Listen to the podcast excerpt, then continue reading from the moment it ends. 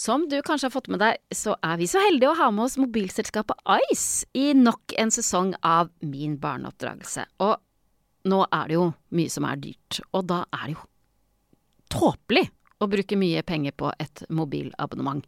Nå kan du teste Ice og få 30 gigabyte eh, mobildata i to måneder til bare 99 kroner måneden. Og etter to måneder så kan du fortsette med det abonnementet du selv velger, eller la Ice velge det de anbefaler basert på din bruk. Helt uten bindingstid, ingenting å tape, mye penger å spare. Og pengene du sparer kan du jo for eksempel da bruke på, ja, ferien din. Les mer på ice.no. Ukas annonsør er butikkjeden Ekstra. Grillsesongen nærmer seg. Hurra!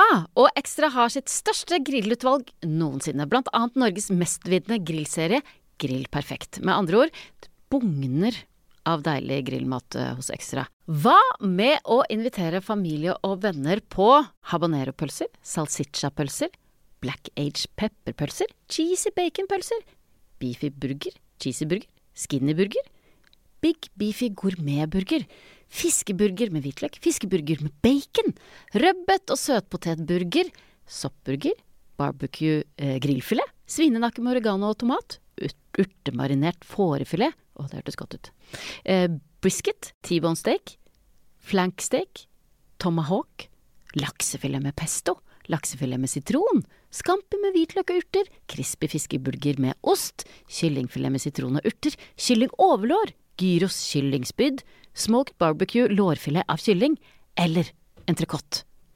Guri malla, nå kjente jeg at jeg ble sulten, og jeg antar at det samme gjelder for deg. Stikk innom Ekstra og finn din grillfavoritt. Bon appétit! Hei, jeg heter Solveig Kloppen, og jeg syns dette med barneoppdragelse er superinteressant. Er det sånn at uh, hvordan man selv er oppdratt har noe å si for hvordan man uh, selv uh, oppdrar egne barn? Oppdrar vi sånn som vi selv er oppdratt? Hva lærer man egentlig av foreldrene sine, og hva velger vi å ta med oss videre? Nå skal du høre andre del av praten med prinsesse Märtha Louise. I denne episoden snakker hun bl.a. om tiden etter Aribeens bortgang, og hva Durek betydde for henne og barna i denne perioden.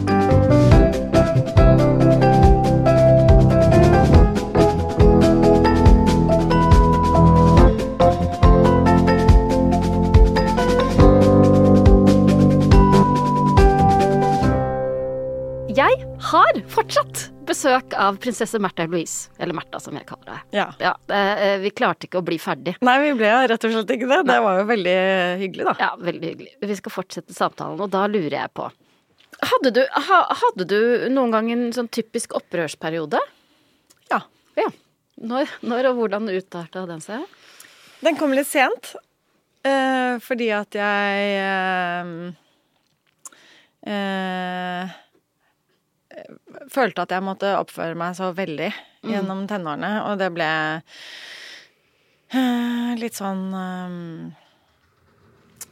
Altså, jeg, jeg har gjort uh, helt normale ungdomsting, jeg òg. altså. Det er ikke sånn at jeg er veldig sånn ordentlig barn, på en måte. Jeg har hatt en helt vanlig ungdomstid som jeg ikke skal gå videre inn på.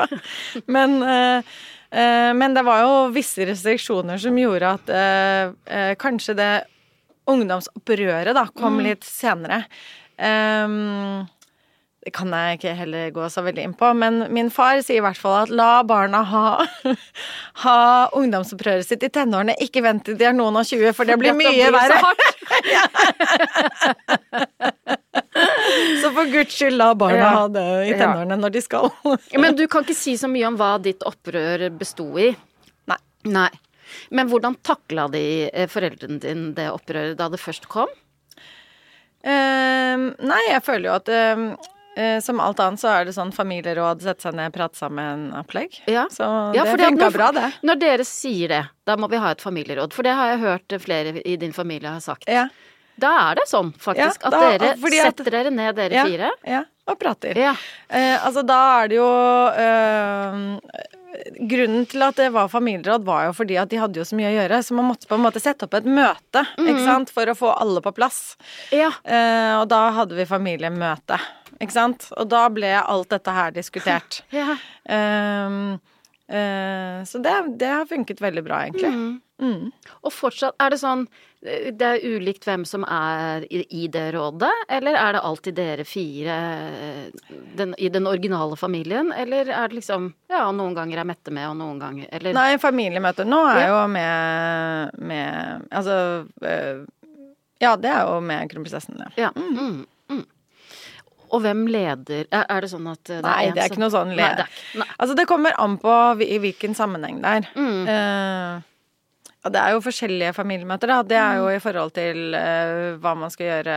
Da jeg jobbet offisielt fremdeles, så var det jo hvordan skal vi inndele dette, hva skal vi gjøre, hvordan skal, vi, hvordan skal strategien være videre, hva skal vi Så det var liksom noen ganger i året man hadde sånne møter. Ja. Det var også familiemøter. Ja. Så det er litt sånn forskjellig hva slags familiemøter man har da. Må man, eh, når man starter møtet, da si sånn det, Bare så det er sagt, dette er, eh, dette er et sånt familiemøte. Nei, det kommer ganske ut av konteksten. konteksten. ja. ja. Kan du ringe og si til alle sånn Nå trenger jeg et familiemøte. Eh, ja, det kan jeg. Ja. Ja.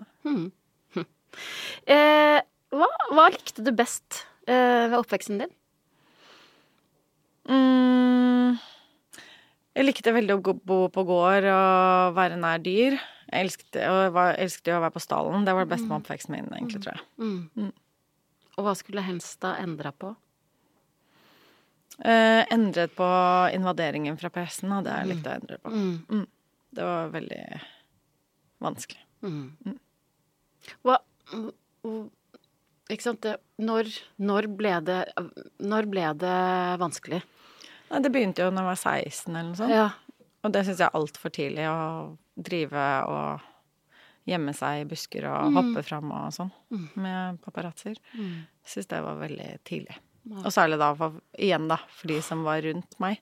Som ikke hadde vært i nærheten av Mm. før, så plutselig hadde noen som hoppet ut av en busk på seg, liksom. Mm. Eh, og ble forfulgt på gaten og Og det er, det er veldig belastende, altså. Mm. Men du men, Særlig når man er så ung.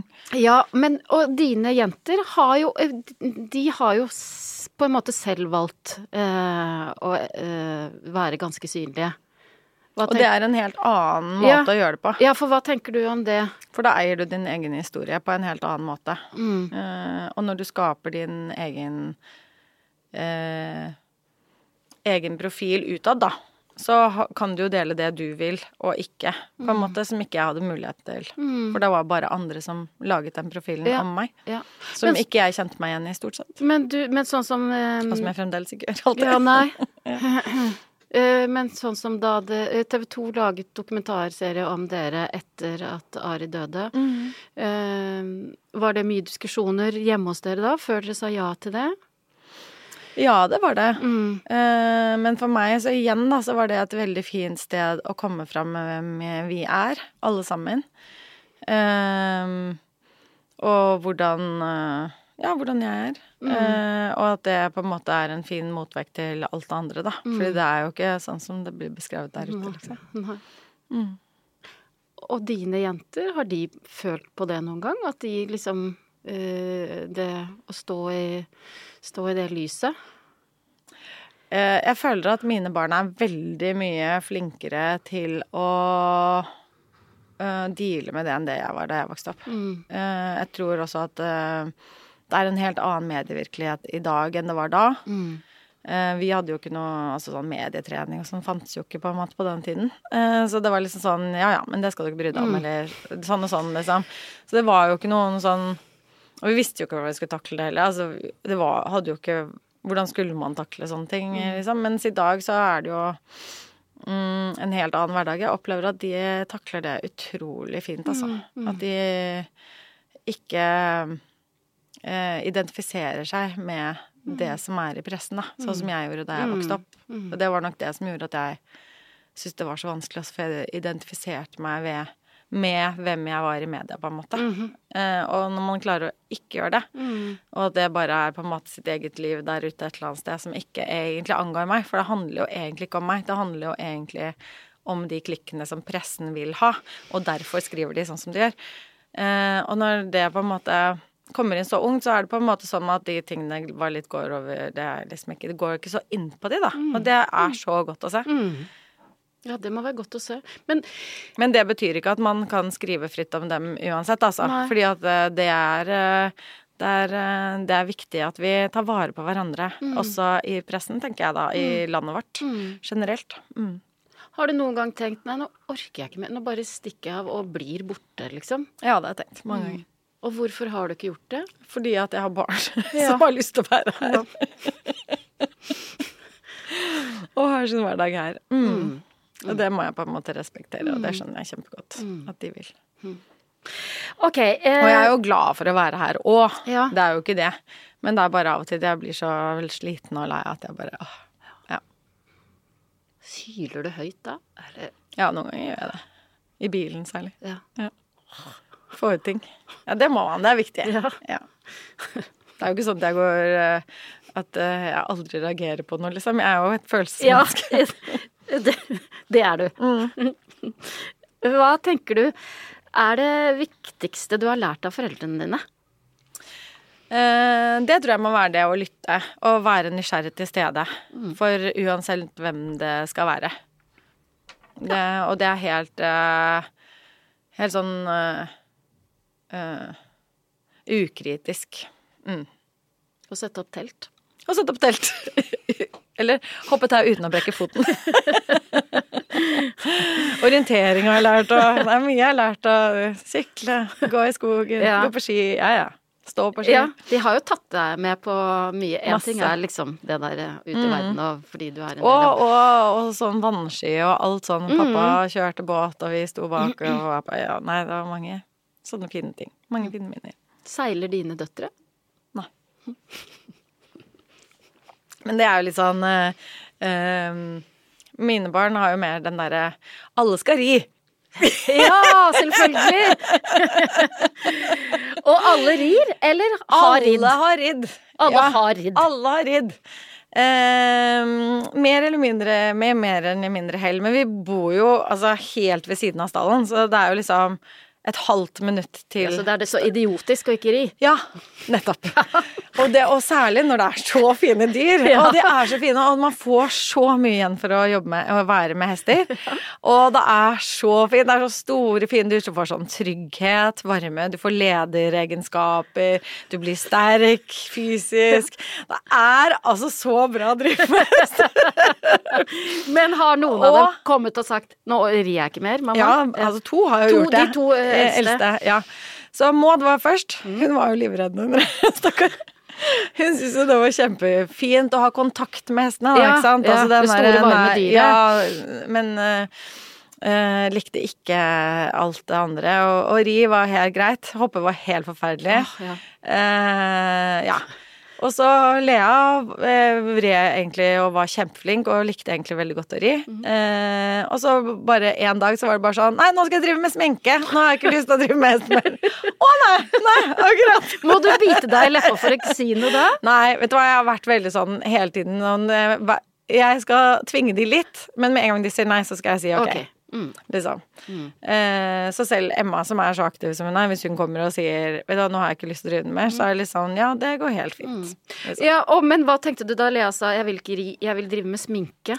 Nei, altså eh, Og det igjen, da, litt dette her med at eh, eh, vi møter ulike sider i oss selv og gjennom barna våre, og hvordan de utfordrer oss. Eh, så var det jo sånn at med Lea så skjønte jo jeg veldig tidlig, eh, for hun var jo veldig sånn eh, opptatt av klær og sånn fra hun var to. Ja. Eh, og da hun var i barnehagen, så så hun foreldrene kom, og når foreldrene kom, så løp hun inn i garderoben og satte fram eh, skoene til det barnet som den forelderen hørte til. Er det sant? Ja, Så hun hadde liksom kleskodene Ja. klare, eh, uten å ha barnet foran seg, men bare med foreldrene til stede, satte fram skoene til det barnet som da skulle hjem, da. For da hadde hun sett. Da, da visste hun liksom Hun hadde koll på alt. Hun har alltid hatt sånn koll, da. Eh, Og da hun var i barnehagen fremdeles, da hun var kanskje fem, da, eller seks, fem var hun vel, da. jeg for de begynner på skolen når de er seks nå. Ja, fem. Eh, da fikk jeg sånn breakdown. Sånn med bare sånn her Jeg kan jo aldri møte hvis hun blir sånn fashionable. For hun begynte da når hun var fem, så begynte hun å peke på sånne store moteplakater. Og si 'sånn vil jeg være'. Ja. Sånn, 'Jeg vil også drive med sånn'. Kan ikke jeg få lov til å holde på sånn? Kan ikke jeg få være sånn? Jeg bare Nei, jeg kan ikke møte et sånt barn. Jeg driver med hest. jeg elsker å vasse i, i stallen med liksom gummistøvler og ja. liksom ikke tenke på klær og liksom sånn Hvordan skal jeg kunne møte en fashionista, liksom? Hvordan skal jeg liksom sånn jente som bare er opptatt av mote og sånn? Og jeg fikk helt breakdown, husker jeg, og gråt og sånn. Og Ari bare Men vet du hva, det kommer til å gå fint, liksom. Ja. Hun var fem, liksom. Det er sånn man, må, man vokser med barna sine, Ja, liksom. Det kommer til å gå bra, liksom. Du kommer til å klare det. Ja, men jeg vet, jeg har, liksom, jeg har ikke den delen i meg som kan møte det, liksom. Men det har jo gått veldig fint. Ja. Um, og det er jo veldig spennende å se henne i den verden eh, også, og, og også ha åpnet opp mye mer i meg for den verden, ikke sant, og, og vist meg hvordan den kan fungere, og hva som skjer, og hvordan, og på hvilken måte og sånn. Eh, Så det er jo kjempegøy. Og så driver jeg et klesmerke selv som jeg aldri hadde Ja, tenkt at jeg skulle holde på med. ja.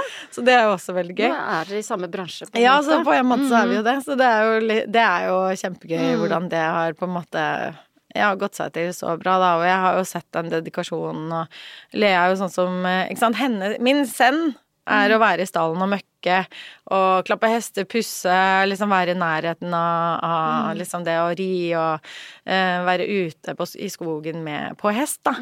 Eh, mens for Lea så er jo hennes send eh, å sitte foran speilet og sminke seg. Da blir hun borte. Hun kan sitte her i åtte timer, og hun går ikke på do engang. Hun eh, får ikke, spiser ikke, hun det liksom, Og det er det samme med mode og kunst, ikke sant. Der er hun også i sitt send, ikke sant. Så det er, det er jo noe med at hvert Men så fint du har funnet det. ja, det er akkurat det jeg skulle si. At det er jo så fantastisk at de har funnet det, og det er jo en gave å finne hvor man har sin Ja, zen. ja.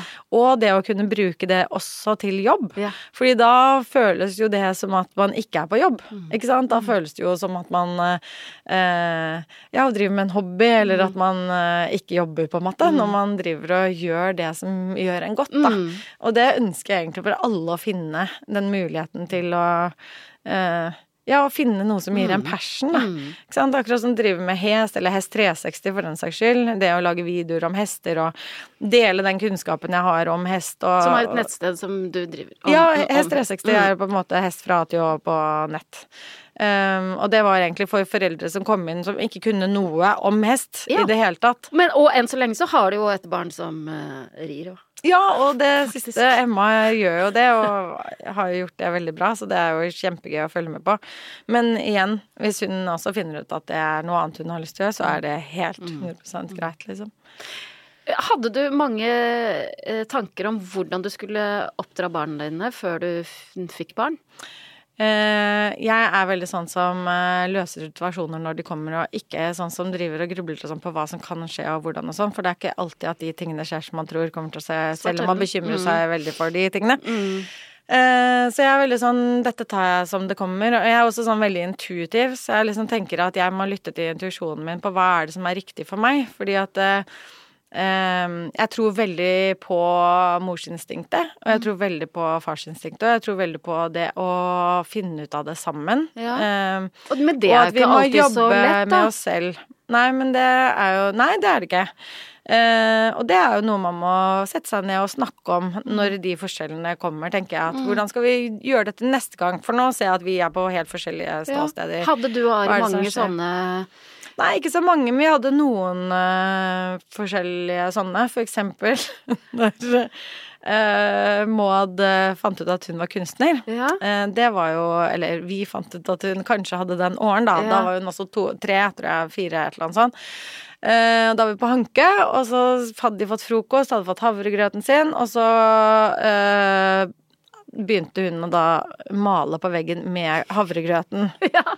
Hvorpå jeg eh, i instinkt løp inn for dette. Jeg opp, sånn er jeg oppdratt. Ikke sånne ting! Ikke søl på gulvet, ikke på veggen, ikke sånn, liksom. Mens Ari bare Ser du ikke? Hun er et kunstnerbarn! Hun må jo få utfolde seg! For et spennende øyeblikk! Og jeg bare Ja, det har du helt rett i. Men hun må få lov til å vaske det av. Nei, hun kan få lov til å ha det der litt, men det varte en stund, det altså, før det ble tatt ned. Så jeg var litt uh, mm, Oi, ja. Var ikke helt fornøyd med det. men så morsomt. Men, men, da måtte dere ta og gi litt. Uh, det må man jo ja, ja. alltid i et forhold. Må man jo da, det? Da. Jo da. At man tar og gir. Ja. Og så er det jo de tingene Eller det er de beste forholdene, i hvert fall. Ja, og så er det jo Og så må man jo på en måte finne ut av det på de tingene man ikke gjør det. Mm også, da. Mm. Tenker jeg da. Det er jo den jobben man må gjøre som forelder. Og så må man jo vokse sammen. Ja. Og da må man jo ta de tingene Gå gjennom hvorfor reagerer jeg sånn på dette. Mm. Hvorfor trigges jeg av dette? Mm. Hva er det som er min trigger fra tidligere? Mm. Hva er det som har skjedd i mitt liv som gjør at jeg trigges nå? Mm. Og så må man jo jobbe gjennom de tingene, og så møtes igjen etter det, mm. liksom. Så det, det, er jo veldig viktig, mm. tenker jeg da. Det er i hvert fall sånn som jeg angriper livet, at uh, hver gang jeg blir trigget, så er det sånn Oi, dette var interessant. Der er det en trigger jeg ikke hm. har sett på. Hvor kommer den fra? Mm. Det var in interessant, liksom. Og så er det jo ofte det går sånne temaer igjen i i alles liv, ikke sant. At det, åh, det var den samme greia der, ja. ja, mm. Den kjenner jeg igjen, ja. Det var den stakkars meg-biten som bare Å, hvorfor er det alltid sånn? Eller hvorfor Ikke sant? Å, eller så er det sånn, eller så er det den frykten. Å ja, det er den frykten som kommer fra Ja, det var den, ja, ja. Men da skjønner man etter hvert det, og så er det mye lettere å gi slipp på det. Ja. Også når man og, Hva er du mest glad for at du har, har klart å gi slipp på?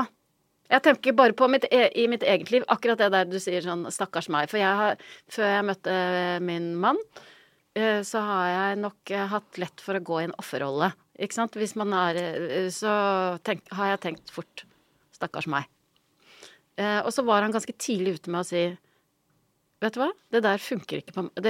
Ikke, ikke, gjør det. Det er ikke, det er ikke bærekraftig, og jeg, eh, jeg, tåler ikke, liksom. Og så har jeg måttet jobbe med det. Mm. Og det har vært kjempedeilig. Mm. Selv om jeg, det fortsatt er ja, for det ligger, det ligger det så Men da kjenner du det igjen med en gang? Jeg kjenner det igjen med en gang. Ja. Hva, hva, og det har vært veldig deilig. Hva, har du noen sånne ting hvor du kjenner sånn Ja, det. Uh, jeg hadde sånn uh, perfeksjonisme. Ja. Den er jeg så glad for at jeg er ferdig med. Ja. At liksom uh, var livredd hvis det ikke gikk sånn 100 riktig, liksom. Og gikk og var redd hele tiden. Ja. for at ja, for ikke alt skulle være perfekt. Ja.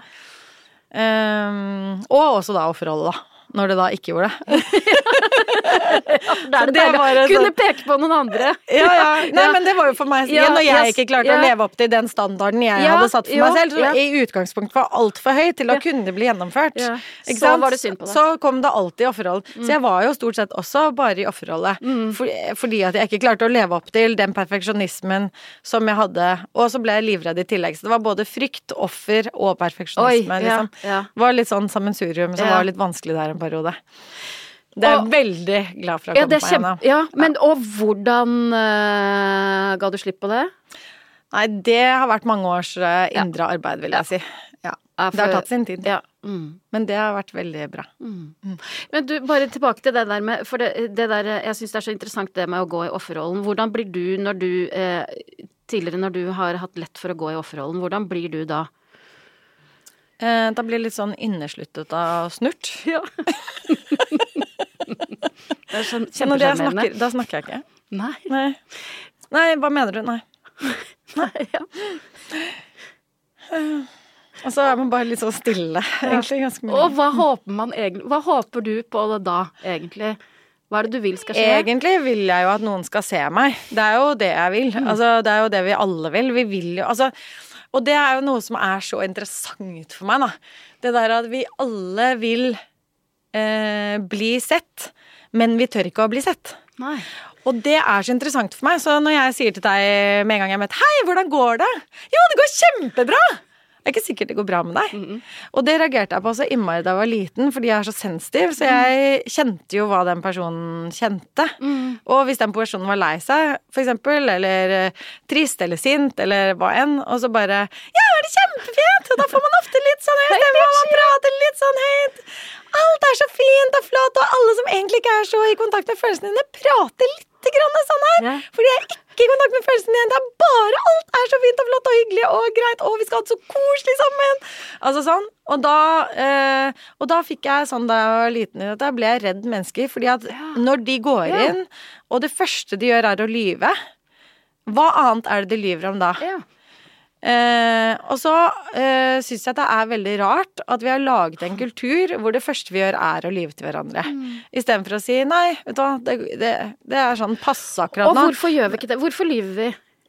Eh, ja, det er jo for å vise den maska, da, at alt er bra. Mm. Og, for, og, det er det jeg skulle fram til. at det, vi vil jo gjerne være litt sånn perfekte alle sammen. At eh, alle har det så bra og sånn. Istedenfor at vi er mennesker alle sammen. Mm. Alle er mennesker. Mm. Vi har dårlige dager, vi har bra dager, vi har forferdelige dager. Vi har sinte dager, vi har lei seg-dager. Vi har eh, ikke sant? Altså dager hvor vi bare ikke føler vi kan komme igjennom. Mm. Eh, og alle mennesker har det sånn. Mm.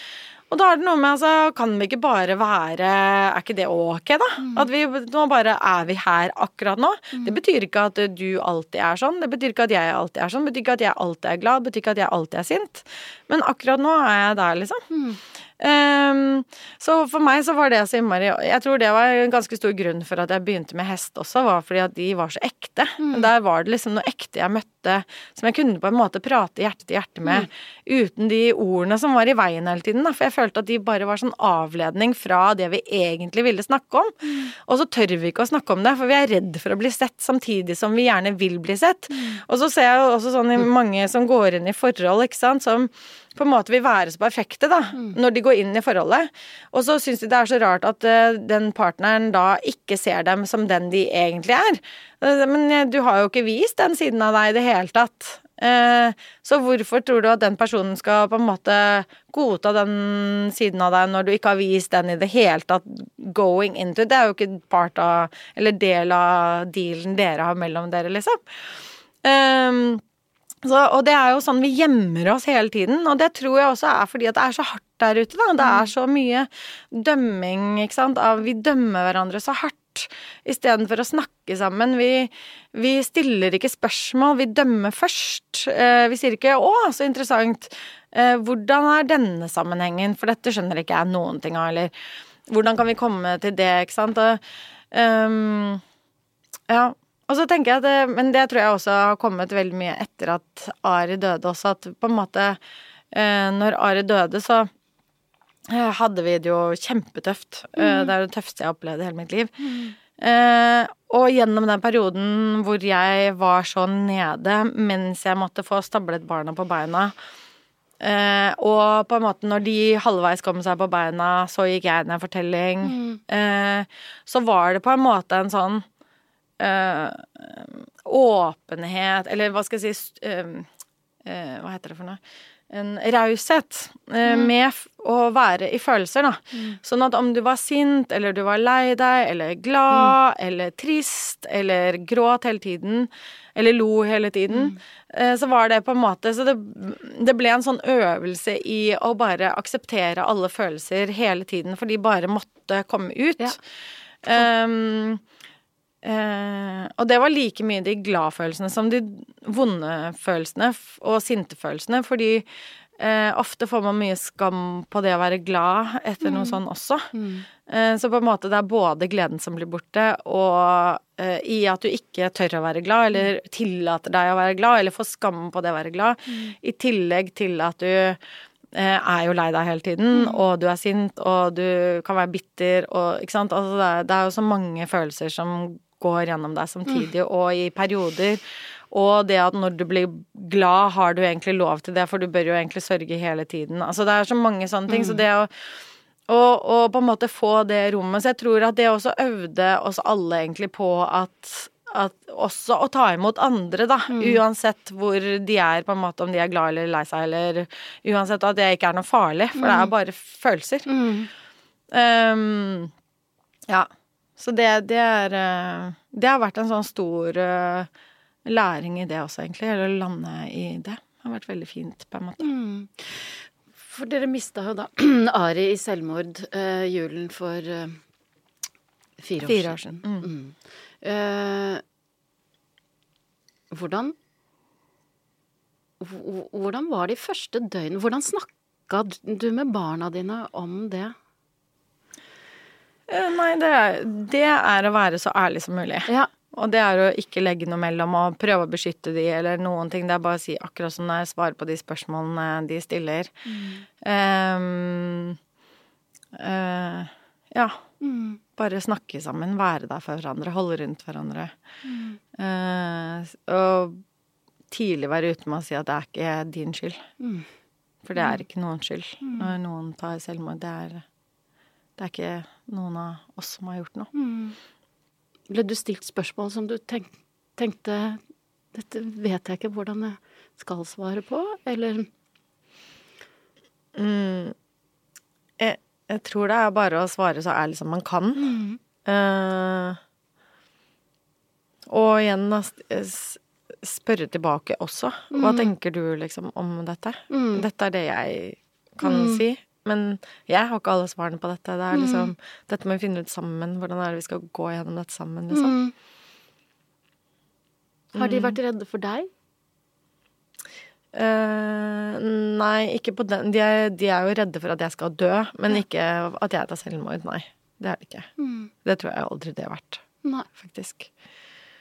Eller det, det har jeg i hvert fall ikke opplevd at de har vært. Eh, Det kan jo være at de har snakket om det uten at de har snakket om det med meg. Men det, det opplever jeg ikke at de har. Da tror jeg jeg hadde hørt det, på en måte.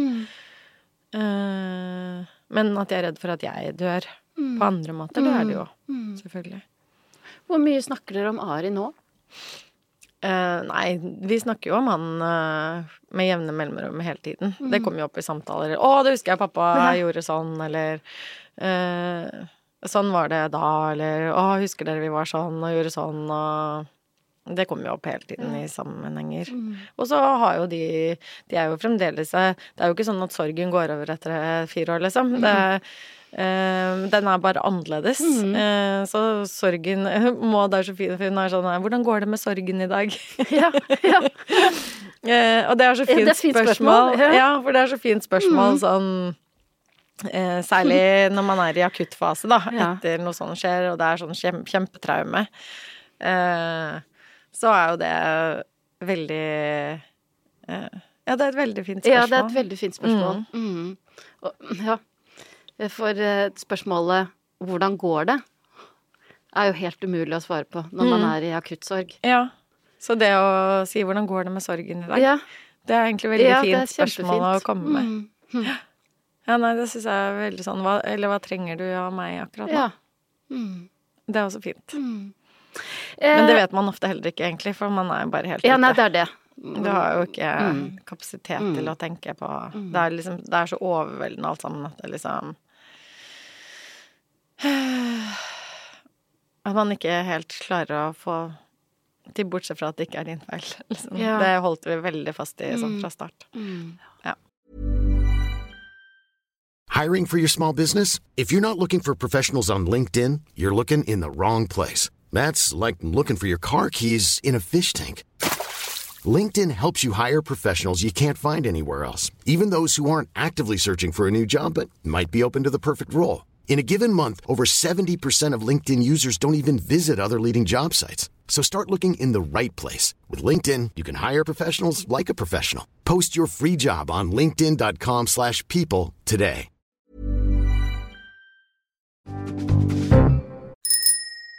Min barneoppdragelse lages i samarbeid med mobilselskapet Ice. Og Ice igjen, de samarbeider med Barnevakten, en ideell stiftelse som formidler fakta og råd om barn og unges medievaner. Og som Ice-kunde så får du gratis tilgang til mange av Barnevaktens webinarer som tar for seg temaer som barnas favorittapper, nettmobbing, eh, sikker bruk av nett og medier, skjermtid og mye, mye mer som vi foreldre er opptatt av. Fokus på sikker nettbruk for ditt barn.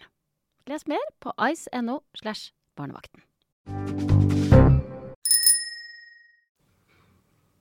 Eh, du, ok. em, vi, vi skal gå inn på liksom mer sånn konkrete ting som du har gjort i forhold til oppdragelsen. Oi. Eh, både stort og smått. Eh, em, for eksempel, har du lekt mye med barna dine? Ja. L- Nede På på, gulvet. gulvet. Ja. ja. Nede Lego, på gulvet. ja. Eh, Lego, dukker, eh, gjemsel, eh, ut i trærne, eh, hoppe på trampoline, eh, løpt rundt, ja. Svømt. Fordi du har likt det, eller fordi du har tenkt at eh, det skal Nei, jeg man syns det er gøy. Ja, du synes Ja, det er gøy. ja. Har du også likt de derre sånn Ja, nå sa han liksom Leke med dukker, sånn, Ja, ja. så sier du det også. Ja, sier- ja, ja. ja, ja. Kjempegøy. Alt sånn kreativt. Det er kjempegøy. Ok, eh, Har du tillatt at barna dine har sovet i senga di? Ja. Ja. Hvorfor? Eh, for det tror jeg er viktig eh, fra start, egentlig. Jeg husker vi begynte å ha barna i andre rom, og de nektet når de var altså, Det var når de var små, da. Men de, det er jo noen som mener at man ikke skal bo i rom med barna omtrent i det hele tatt, eh, liksom. Eh, helt unaturlig, syns jeg. Så jeg har vært sånn som har hatt barna i seng og holdt rundt de og ligget inntil og, og sånn. Mm. Helt til de vil flytte ut selv, egentlig. Ja, For på et eller annet tidspunkt så skjer det. Ja, det skjer. Mm. Hvor mange har dere vært i senga sånn Nei, det altså det er jo forskjellig fordi, i forskjellige faser. Når vi flyttet til London for eksempel, da pustet vi opp eh, var vi så praktiske eh, not at vi pusta opp absolutt hele huset vi flyttet inn i eh, samtidig som vi flyttet inn. Nei, nei, nei. Så vi hadde ikke en kjøkken, ikke bad elendig ikke, idé. Ja, det var forferdelig det. Vi hadde ikke kjøkken, ikke bad, ikke stue, ikke møbler. Vi hadde bare eh, egentlig en seng, eh, eh, og da bodde vi fem stykker da, i den sengen med én ekstra seng, da.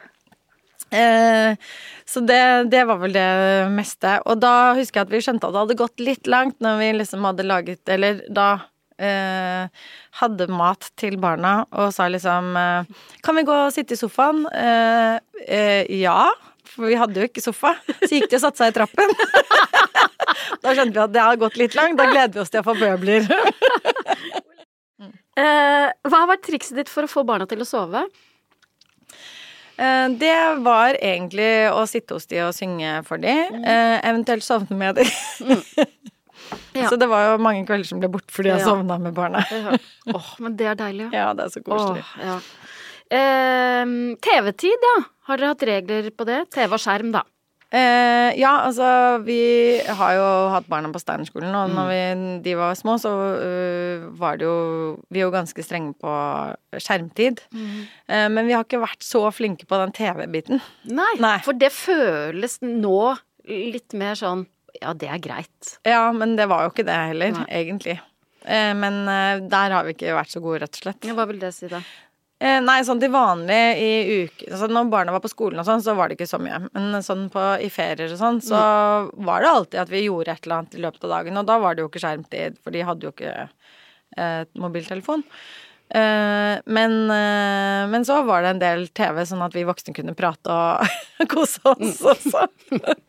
Ja. Men og hvorfor ble det Steinerskolen? Eh, det var fordi at Ari hadde gått på Steinerskolen. Ja. Ehm, og at eh, vi var eh, veldig Egentlig begge to på det at de å få bli sett, da. eh, for hvem de er. Og Steinerskolen er jo veldig sånn som ser barn. Eh, og jeg syns det er fantastisk, for eksempel eh, hvordan de tar mobbing eh, på Steinerskolen. Da stopper de, hvis det er noen som de ser har en konflikt i klasse, så stopper de hele undervisningen. Går ut med de to elevene, og så hører de først den ene, og så den andre versjonen. Og så sier de hvordan finner dere ut av dette? Nå får dere ti minutter til å prate sammen om hva som har skjedd. Og for hva skjer da, når man eh, møter det, en konflikt på den måten der? Da skjer det at det løses. Ja. Og hvis ikke man klarer å løse det på den måten, så kommer foreldrene, så er det møter da med foreldre. Og det som også er så fint, da, er at alle foreldrene kjenner hverandre så godt, fordi vi gjør så mye sammen på skolen. Fordi det er jo, det er jo julemarked og liksom alt mulig sånne ting. Så man blir en sånn sammensveiset gjeng som også møtes på fester, og det er samlinger og sånn hele tiden. Så man møtes på kor på morgenen. Hver morgen så synger jo de på standskolen når du vokser opp flerstemt, så man står jo og er der og bare blir fylt av sånn barnesang. Det er helt fantastisk. Um, og det å få uh, være med på det, og da er jo foreldrene godt kjent. Så det er ikke så vanskelig å ta opp uh, rør og liksom ringe og si hei, nå har de en konflikt, liksom. Uh, vi, skal vi løse det? Um, skal vi gå og prate om det? Hvordan skal vi gjøre det? Eh, og det har egentlig funket utrolig fint, eh, både i begge ender. Både å bli eh, eh, Bli sagt stygge ting til, eller at det Ja. er noen som sier stygge ting til noen. Ja, ja. Eh, begge ender, på en måte. Ja. Eh, så har det løst seg veldig flott Mm. på den måten. Eh, Ja, organisert fritid. Eh, har det vært viktig for deg at barna da har gått på en organisert aktivitet, liksom? Altså, vi har drevet med hest, da. Ja, og det har jo vært viktig. Det er viktig. Ja, og veldig bor fin, så og ikke skjermtid. Når man bor såpass nære en stall, så skulle det jo bare mangle Ja. at man hadde prøvd å Ærlig talt. Eh, så, eh, Og der er det jo ikke skjermtid. Så da automatisk så får man jo da barna til å ikke drive med skjerm. Eh, nei, de har drevet med en del forskjellig. De har vært innom uh, slalåm og håndball og turn og akrobatikk og eh, karate. eh, Ja, og fiolin. Ja, ja, ja, Ja, ja. ja. instrumenter. Spiller noen av dem eh, et Ja, Maud spiller gitar og Ja. eh, ukulele. Spiller du noe? Eh, spilt i tidligere alder. Spilte piano og tverrfløyte. Akkurat det samme som meg. Ja. Og jeg begynte med tverrfløyte, for jeg klarte aldri å lære meg F-nøkkelen eh, på piano. selv om jeg spilte i ti år. så, så, så derfor så, eh, så fant eh, mine foreldre ut at jeg måtte drive med et instrument. Da, grunn. ja. Eh, og da fant jeg et instrument som bare hadde G-nøkkelen. Så det var da tverrfløyten. Den var veldig fin til den der. Hender det at du fortsatt spiller? Nei. Nei. Men det var fint. Altså, jeg syntes det var gøy å spille tverrfløyte. Da var jeg kvartett og sånn. Ja, Mm, ja. På Såpass god. Bærum kommunale musikkskole. Ja. Jeg mima, jeg, nemlig, i korpset. Ja. Mm, det ble Ja. oppdaga den dagen eh, Åse og Bodil, som også spilte fløyte, ikke kunne komme på konsert. For en eh, mørk dag. Men det tror jeg faktisk at jeg også kanskje hadde gjort hvis jeg hadde For jeg, ja, jeg var ikke så flink som det høres ut som når jeg spilte kvartett, altså. Hva med godteri og søtsaker? Har det vært strenge har Du, der, streng- der har jeg faktisk Det snakker barn om ennå, at jeg hadde en veldig sånn mm, fase hvor jeg var veldig sunn. Ja! For barna. Ja Ikke på, for egen, meg. ikke, på, på deres vegne. Ikke, Ja. ikke, ikke når det gjaldt deg selv. Nei. Nei. Eh, men det ble jo meg òg, da, for Ja. vi spiste jo stort sett det samme. Eh, eh, men da var jeg veldig sunn. Ja, Når var denne Nei, det var jo til barna var Kanskje det var ti, da, eller noe sånt. Ja. Mm. Fra hun ble født til hun Ja. var ti? Ja. Sånn at eh, når eh, Jeg husker det var så morsomt, for når, når eh, Maud kom i bursdag, for eksempel, da, Mm. så fikk de aldri noe annet enn vann hjemme. Eller saft. Eller ikke saft engang. De fikk juice eller vann. Eh, og hvis det var, skulle skulle være bursdag, så var det juice med farrisopp. og det har vi nesten ennå. og, og, og når da Maud kom i bursdag, så likte jo ikke hun brus. for det var jo så søtt. Så det likte jo ikke hun. Så hun ville gjerne ha vann. det var veldig imponerende for de andre Ja. foreldrene. Ja. Men det gikk fort over, da. ja, for nå liker hun brus. Ja. Mm. Etter det. Men og hva spiste dere? Hva fikk de som lørdagsgodt i den perioden hvor du Eh, nei, da var det sånne veldig sunn eh, Sånn godteri uten sukker og sånn. veldig sånne sunne ting. mm, ja. Og rosiner og nøtter? Eh, eh, ja, rosiner fikk de, og så fikk de Men det likte de ikke så godt, da. Men de fikk sånne eh, fruktplater. Var det sånne som er på en måte sånn tørket Mm, frukt, vet du. kjempegodt. Det er kjempegodt. Hvis jeg kan velge, så går jeg for de fruktblatene.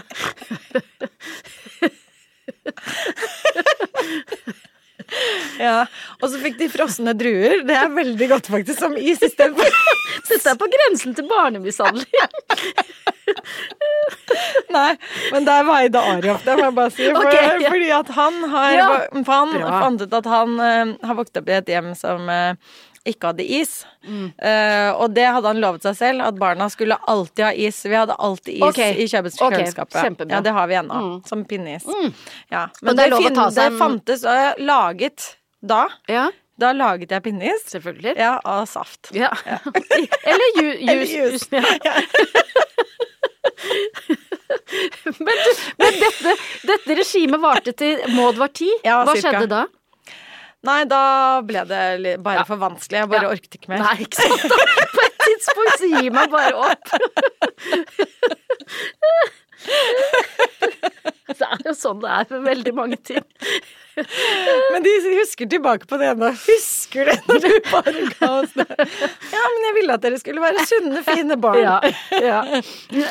Ja. Men du, har Og du mye frukt og sånn, da. Ja, ja, og det er kjempebra. Ja, det er veldig bra. Ja, Men du, er du sånn som kan, kan du bruke, eller har du brukt uh, trusler? Hvordan da? Nei, som for eksempel hvis ikke, det, hvis ikke du tar på deg de skoene og deg, blir med i barnehagen, så blir det ikke barne-TV i kveld. Uh, jeg eh, begynner et annet sted. Ja, hvor begynner du hen? Jeg begynner liksom sånn Skal du ha på deg den eller den skoen? Ja. Uh, liksom. Mm. Eh, nei. Skal du gå barbent, da? Ja, jeg skal gå barbent. Men det er glass... nak- og nak- Det er glass... det er glasskår ute. ute. Ja. ja, det har ikke noe å si. Ok. Nei. Uh, ja. Uh, og sånn, nei, men du må ha på deg de skoene. Ja, men det Ja. Og er det eh, og, det har hendt at jeg har gått ut med skoene i hånda Ja. og liksom bare gitt de inne Mm. på skolen, satt de. Sånn I dag kom hun uten sko. Det har skjedd. Men med klær på, altså. Det har de alltid hatt, altså. Igjen. Men, du, men ikke trusler. Eh, av og til har jeg tydd til det òg, jo. Og, Det to, har og har du tydd tomme trusler òg? Eh, nei, det, det har jeg skjønt at det må man gjennomføre hvis man først gjør det. Det har jeg skjønt fra start. Mm. Sånn at, eh, og jeg har vært veldig sånn konsekvent på at hvis jeg sier noe, så gjennomfører jeg det. Sånn at hvis i kveld så har vi pannekaker, Mm. og, og hvis alle liksom Vi samles da, Mm. da skal det være uten telefon, vi skal kose oss, det skal være pannekaker. Da må jeg gjennomføre det. Ja. ja. Ehm, hva var det beste med småbarnsperioden? Mm, det, var, det var alle de fantastiske, morsomme kommentarene som kom i i hytt og gevær, og hvordan uh, bare Livet var helt uforutsigbart. Eh, og det var veldig frustrerende, og også veldig deilig, på en måte.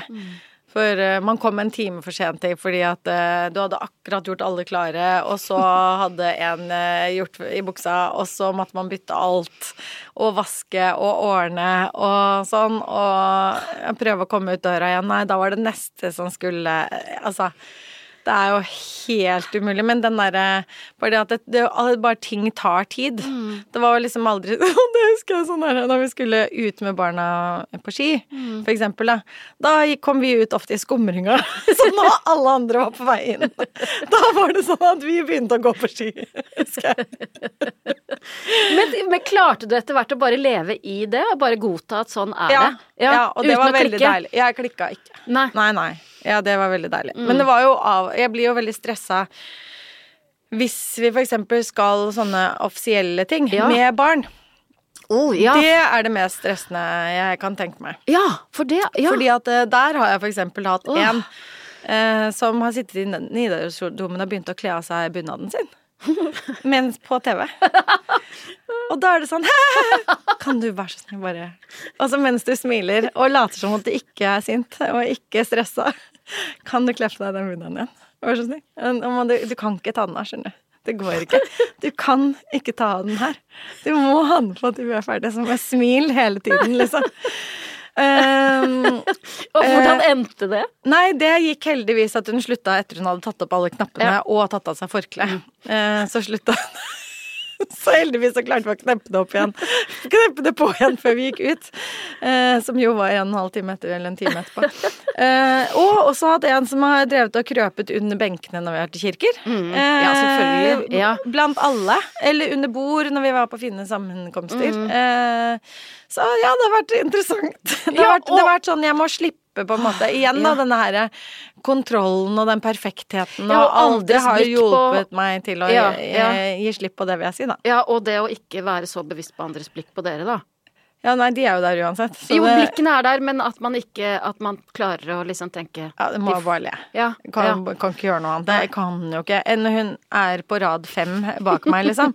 Jeg kan jo ikke begynne å reise meg opp. Det husker jeg faktisk vi gjorde da jeg var liten. Så begynte Håkon Da var vi i kirken i Aske kirke eh, sammen med bestefar. Det var sikkert jul eller et eller annet. Eh, eller det husker jeg ikke, men det var i hvert fall vi var alle i kirken. Og så eh, plutselig så fant Håkon ut at han skulle begynne å løpe rundt alteret. For der går det an å løpe Ja, rundt det er alteret der, nemlig. Ja. Altså det er fordi det er en sånn tunnel bak alteret, liksom. Åh. Så det er en sånn fin eh, runde der. Eh, og så sa bestefar Harald ordne opp, og pappa sa Sonja ordne opp, og så sa altså, mamma Märtha Og så løp jeg, da, opp der for å fange han. Så det ble jo to stykker som løp rundt der i stedet for én. Og så til slutt så kom mamma og tok tak i oss. Eh, eh, Så det, det var en Jeg tror det var ganske hyggelig for de fleste som var der, bortsett fra oss. Ja, ja. Eller bortsett fra mamma og Ja, pappa. Var bestefar Olav streng? Ja, Mm. det var han. Han ville ikke ha noe løping rundt Nei, der. der. det passa ikke. Nei. Mm. Sa han ifra også, eller sa han alltid 'Harald, nå må du ordne'? Nei, ja, han sa også ifra, ja. Ja. ja, ja. Mm. Ja. Ble du redd da? Ja. Ja. Han var veldig streng, men også veldig god, altså. Men, eh, og veldig morsom. Men eh, han var veldig streng. Ja. Eh, Du, ehm, vi, må, vi må kort innom eh, For nå er jentene dine tenåringer. Eller det vil si Og Maud er jo ikke tenåring lenger. Nei, hun er 20, faktisk. Men Lea og Emma er tenåringer. Eh, og jeg te tenker Dette er egentlig et, eh, et unødvendig spørsmål etter å ha snakket med deg eh, nå ganske lenge. For eh, spørsmålet er altså hvor mye prater du med barna dine om følelser og grensesetting og sånn? Ja, Ja, ganske mye. Ganske mye. Og det tenker jeg er litt viktig å gjøre også. At man, og, og også det at man oppdaterer grensene litt. Fordi at eh, vi, vi blir igjen litt eh, etter barna vokser, Ja. da. At vi, vi på en måte kan oppføre oss som om de er noen år yngre enn det de er, eksempel. Eller noen måneder bare kan jo gjøre stor forskjell i en viss alder, ikke sant. Eh, sånn at vi også må jo oppdatere oss hele tiden. Så derfor tror jeg også det er så viktig å prate om disse tingene hele tiden. Hvor er det du føler at det er riktig at vi legger oss nå, liksom? Eh, og jeg prater jo opp til barna om det, uh, og de syns kanskje én ting, og så tenker jeg en annen ting, og så finner vi ut av en middelvei et eller annet sted, liksom. Um, og jeg tenker når barna er med på de prosessene, så blir de også mer bevisst på sine egne grensesettinger, da. Eh, og så har jeg vært veldig opptatt av at barna skal uh, kunne si når de trenger egentid. Ja. Uh, fordi at det er så viktig for meg selv også. Eh, at vi har lov til å ha egentid, og at det ikke er at man sier nei til familien, liksom, men at man faktisk trenger å lade batteriene helt alene, uten stimuli. Og da er det lov å stenge døra inn til rommet. Mm, helt. Mm. Mm, absolutt. Og gjerne i lange perioder, liksom. Ja. Eh, Kaller du inn til familiemøter i din familie i den Nei, ikke på samme måte. Nei, vi har bare snakket sammen egentlig mye hele Ja. tiden. Men nå har Maud flytta ut. Ja, hun har flytta ut. Hvordan er det? Eh, nei, det var eh, litt traumatisk eh, når det skjedde, men hun gjorde det litt sånn etappevis. Så hun, eh, hun flytta ut litt eh, hos en venninne, og så var hun masse hjemme, og så flyttet hun litt hjem igjen. Og så flyttet hun ut, liksom. Så da, da ble jeg litt sånn tilvendt til hele. Eh, men Har hun- du grudd deg? Eh, nei, det er jo litt som jeg sier, at eh, jeg er ikke sånn som tar sånne Nei. ting veldig sånn på forskudd eller sånn. Jeg tar det litt sånn som det kommer. Men, eh, men det er jo trist å ikke se henne hver dag. Jeg savner henne jo Ja. hjemme, liksom. Eh, har, har det vært høylytte diskusjoner eh, rundt middagsbordet hjemme hos dere? Er det Eh, ja. Ja. Og det er lov. Ja. Mm. Mm. Ja, vi er veldig eh, Igjen, da. Det er lov med alle slags Mm. følelser og mat. Og jeg tror at eh, når man tar ting før det blir et kjempeproblem Mm. Altså når du snakker om ting hele tiden, liksom, eh, så behøver det ikke å bli et sånt kjempeproblem når man først kommer dit heller, på en måte. Mm. Mm. Og så må man jo ta det sånn ordentlig når det skjer noe, liksom. da At Mm. man da tar det seriøst. At liksom Nå! Dette går ikke, liksom. Nei. Mm. Hvordan har dere snakka om penger hjemme hos dere? Hva tenker du med penger? Nei, for det første så tenker jeg jo, ikke sant, at eh, man har jo eh, Ukelønn og sånn, tenker Ja, du på? ja. Og hva må man eventuelt bidra med hvis man eh, får ukelønn? Får man ukelønn? Har, har jentene Ja, fått vi har hatt det i perioder. Eh, Det har vært litt ymse. Eh, De har ikke vært så aktive. Altså, jeg er jo litt sånn at jeg mener jo at barna bør bidra hjemme uten at de får penger for det, liksom.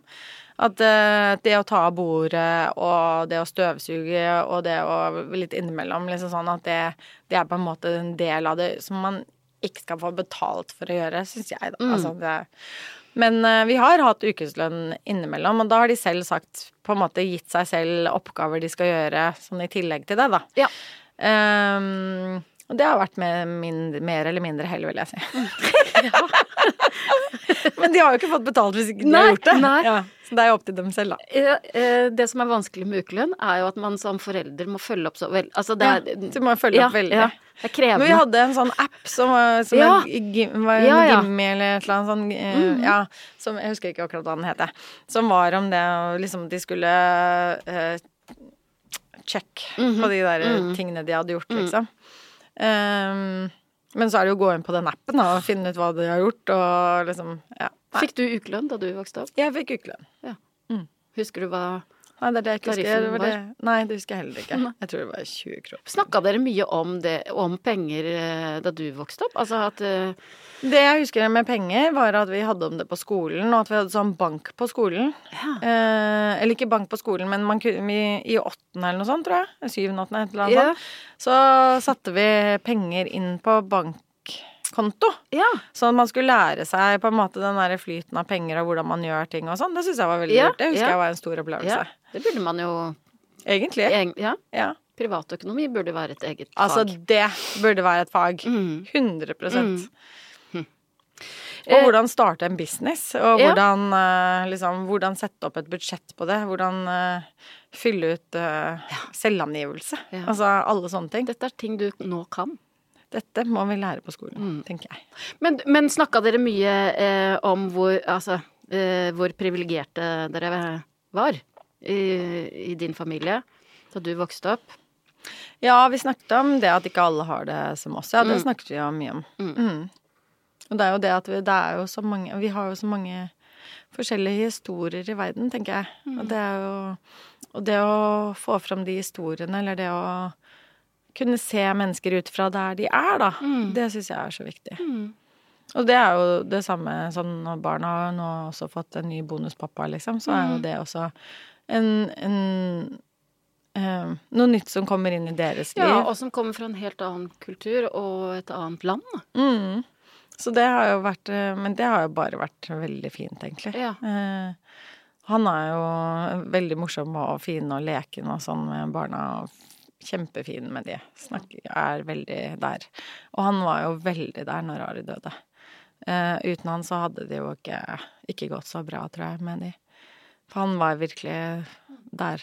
Og han var jo den eneste som ikke var så i sjokk også. Ja, ja. Hvorfor, han var jo- Hvordan da?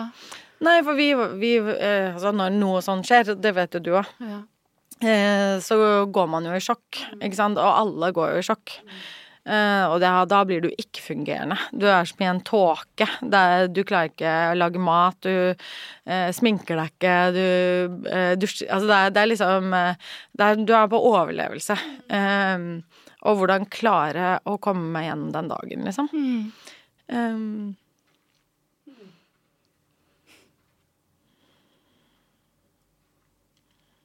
Og da Og han øhm, kjente jo ikke Ari så godt, selv om han møtte han.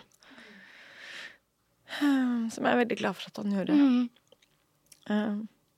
så da klarte han Og han er jo veldig vant til å være med folk som er i krise, for han er jo, han er jo terapeut, han jobber med folk. Så han, han var jo den som fungerte, på en måte, av Ja. oss. Som du kunne lene deg på? Mm. Så han tok seg jo barna hele tiden. Ja. Mm. Det må jo ha vært spesielt også det der at du var i så stor sorg, samtidig som du også var nyforelska. Ja. Mm, det var jo uh, ett og et halvt år etter vi ble Altså, da, sier, da er man ikke nyforelska. Jo, det var jeg jo. Ja. Men um, det var jo ikke det jeg skulle fram til. Men det var jo ikke sånn at vi hadde akkurat møttes, liksom. nei. Um, heldigvis, holdt Ja, jeg på å si. Ja. Øhm, Så det var jo et etablert forhold, og barna var jo godt kjent med han. Det var det jeg skulle fram til, ikke at jeg ikke var nyforelska. Se, nå begynner du også å vri ordene mine. Ja. Akkurat som de gjør der ute. Ja, men du, og, og, og når vi eh, snakker om din kjæreste Durek, så må jeg også spørre hvordan det har vært eh, Hvordan det er ikke sant? Han har jo kommet med noen kontroversielle uttalelser rundt både selvmord og barneoppdragelse. Eh, Hva tenker du rundt det? Eh, jeg kommer ikke til å gå inn på hva han mener og sånn, fordi det blir bare store overskrifter. Ja. Eh, og jeg syns kanskje du kan invitere han hit, så kan Ja. han få lov til å prate om det om det selv. jammen meg gjøre. Ja. Ja, det Så jeg gjøre. kanskje du blir litt overrasket over hva han mener. Og kanskje det er litt annerledes enn det som står der ute. tror du han takker ja? Det får du spørre han om. Eh, er det noe eh, du og jentene ikke snakker om? Det er det helt sikkert.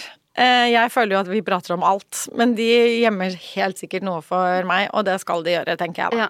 Det er helt naturlig. Men jeg føler jo at vi har et veldig åpent og fint forhold ehm, på alle nivåer, egentlig. Så det er jeg veldig takknemlig for. Mm. Hvor mange noen... ganger har vi grått den Ja, nei. Ja, men innimellom så har vi jo grått fordi vi har ledd. Ja, vi har grått, vi har ledd, og grått. Og alle følelser er lov. Alle følelser er lov, og det er veldig gøy, og det er veldig deilig. Og sånn burde egentlig alle intervju være, tenker jeg. At det er lov å le og gråte og alt sammen samtidig. Er det noe eh, du angrer på å ha gjort når det gjelder oppdragelse? Eh, barna har noe som eh, de kaller for bad mom moments. Og det er sånne kvelder som de forteller altså de historiene som Oi, så deilig for dem! Ja, ja, ja. Og det er veldig gøy. Og da ler vi så vi dauer, for det har jo vært ting som jeg har gjort som er bare ikke bra, liksom. Altså, det Men nå er kan jeg ikke huske én av de tingene. Ok, men det er kvelder hvor de får lov til å fortelle historier som handler om deg, og hvor, hvor, hva du har gjort opp igjennom, liksom. Ja, for lov. De forteller jo De- det når de vil. Jo, men da Nei, er nå det får dere få lov til å fortelle bad mom moments, liksom. Nei, Vær så god, nå har dere ti minutter! Det er veldig fritt hjemme her. Nei, men da er kvelden satt av til det, liksom. Da, eller? Nei, det er jo bare sånt som skjer. Ja, og så kommer okay. jo de inn på bad mom moments, og så kommer jo de historiene på løpende Ja, bånd av hvordan jeg har reagert helt feil. Og så lever vi oss i hjel alle sammen. Og det er jo veldig deilig. Tenk, tenk å ha kommet hit at jeg kan le av det Ja. selv. Det synes jeg er så, da blir jeg så stolt av, av oss alle sammen, egentlig. Ja, av deg selv òg, ja. Ja, meg òg, ja. ja. Av oss alle Men sammen. tenk at du ikke kan selv. komme på en eneste historie. Jeg kan ikke komme på historie. én. Det er kanskje fordi at jeg ikke vil. Det er sånn. Selektiv hukommelse, tror jeg. Eh, men du, men hva er det viktigste Jeg skal prøve å komme på en. Ja, Men jeg kan faktisk ikke komme på noe akkurat nå. du kan si til de at de kan, eh, de kan eh, melde meg. Mm, Hva tenker du er det viktigste du kan gjøre som mor? Det viktigste du kan gjøre som mor, er å lytte til eh, dine instinkter om hva som er riktig, og lytte til barna. Ja. Um, Se at de er læremestere mm, også. ja. Mm. Ikke bare at du skal lære dem noe. Er det ditt beste råd til andre foreldre der ute? Ja. Du, dette har vært veldig fint. ja, det har vært veldig fint. Ja. Vi har ledd og grått og alt om hverandre. Alt er lov. Ja. Ja, tusen takk for at du kommer. Veldig koselig å være her. Takk for at jeg fikk komme. Men neste uke, jeg får besøk neste uke òg. Da snakker jeg med eh, høygravide Sofie Elise. Oh. Ja, skal høre om hennes oppvekst. Eh, og så skal vi også da snakke om hvilke valg hun vil ta som eh, førstegangsmamma. Hvis hun har tenkt på det, da. Det kan jo være at hun er som deg, Marte. at, at hun tar det som det kommer. Det må du spørre henne om, da. Ja, det blir spennende å høre om. Vi høres! Min barneoppdragelse er laget av Lyder Produksjoner.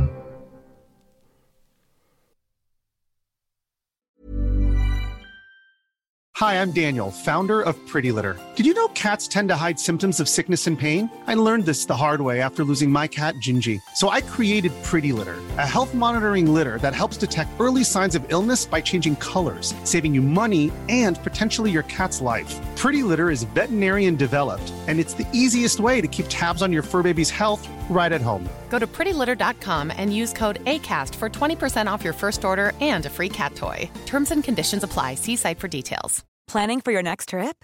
Elevate your travel style with Quince. Quince has all the jet setting essentials you'll want for your next getaway, like European linen, premium luggage options, buttery soft Italian leather bags, and so much more. And is all priced at 50 to 80% less than similar brands. Plus, Quince only works with factories that use safe and ethical manufacturing practices.